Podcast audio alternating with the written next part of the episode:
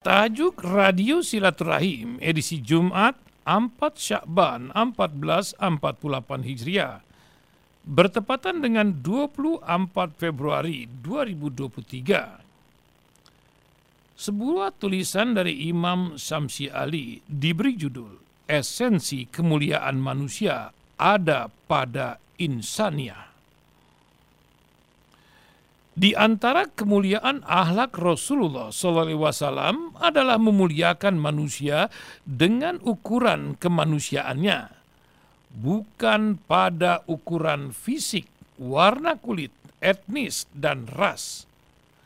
Bukan juga karena jenis kelamin, gender, pria atau wanita, apalagi sekedar ukuran material duniawi yang dimiliki dalam hidup sementaranya. Rasulullah SAW memuliakan manusia justru pada nilai kemanusiaan insania yang dimilikinya. Nilai ini adalah heavenly, granted and gra, dan gra, dan digaransi pemberian dan jaminan langit. Menegaskan bahwa manusia itu selama masih manusia pasti mulia. Karena sejatinya semua tanpa kecuali dikaruniai karomah isan insania atau kemuliaan insani oleh Allah Subhanahu wa taala. Dalam kaitan ini, saya ingin menyampaikan satu kisah nyata dari kemuliaan ahlak baginda Rasulullah wasallam.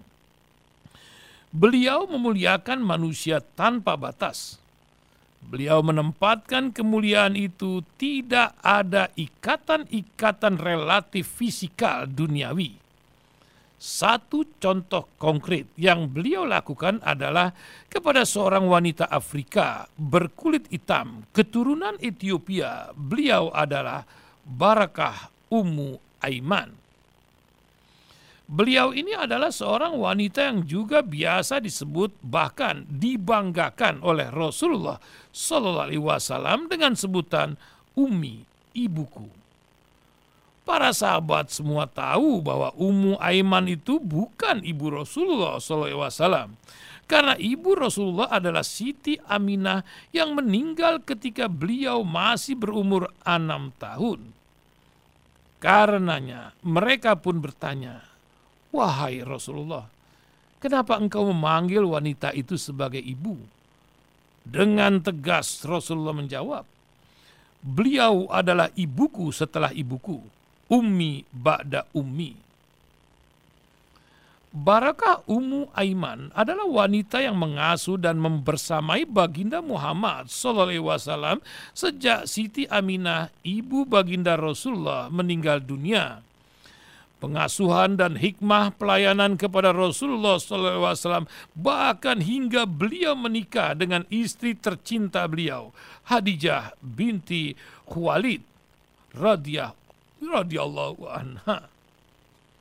Ummu Aiman adalah wanita soleha yang sejak lama menjadi khadimah atau pelayan ibunda Rasulullah SAW. Hanya saja seperti yang disebutkan di atas, ibunda Rasulullah SAW meninggal ketika Rasulullah berumur enam tahun. Sejak itu tanggung jawab ibu berpindah dari pundak Aminah, ibu biologis Rasulullah, ke pundak Barakah, ibu pilihan Allah untuk Rasulnya. Ummu Aiman juga menemani Rasulullah ketika pindah ke Mekah dan melakukan ekspedisi ke Khaybar dan Hunain. Ummu Aiman dikenal sebagai pahlawan perempuan yang pemberani, seorang pendidik dan pengasuh yang mulia. Rasulullah pun menganggap Ummu Aiman seperti ibunya sendiri. Dialah sisa dari anggota keluargaku Dialah sisa dari anggota keluargaku, ujar Rasulullah. Rasulullah sangat menyayangi Ummu Aiman. Kisah ini menguatkan keyakinan kita tentang ketinggian ahlak Rasulullah Sallallahu Alaihi Wasallam. Beliau memuliakan, menempatkan seorang wanita berkulit hitam yang memang seorang budak di masa itu dengan cara yang sungguh luar biasa Ketika orang Arab memandang rendah orang seperti wanita itu, justru Rasulullah SAW menempatkan beliau di posisi yang sangat mulia. Ibuku.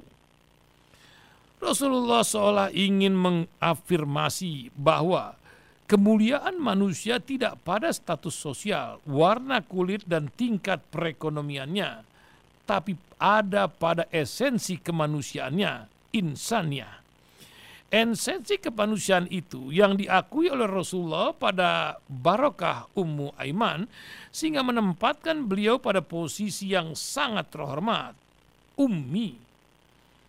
Ya, wanita hitam Ethiopia, budak miskin kini menduduki posisi mulia menggantikan posisi ibunda Rasulullah. Ummi ba'da ummi Realita itulah yang tersimpulkan pada Al-Quran surat Al-Isra ayat 70. Dan sungguh kami telah muliakan anak cucu Adam. Atau dalam konteks keislaman, sesungguhnya yang paling mulia di antara kalian di sisi Allah adalah yang paling bertakwa. Demikian surat Al-Hujarat ayat 13. Wallahu a'lam bissawab.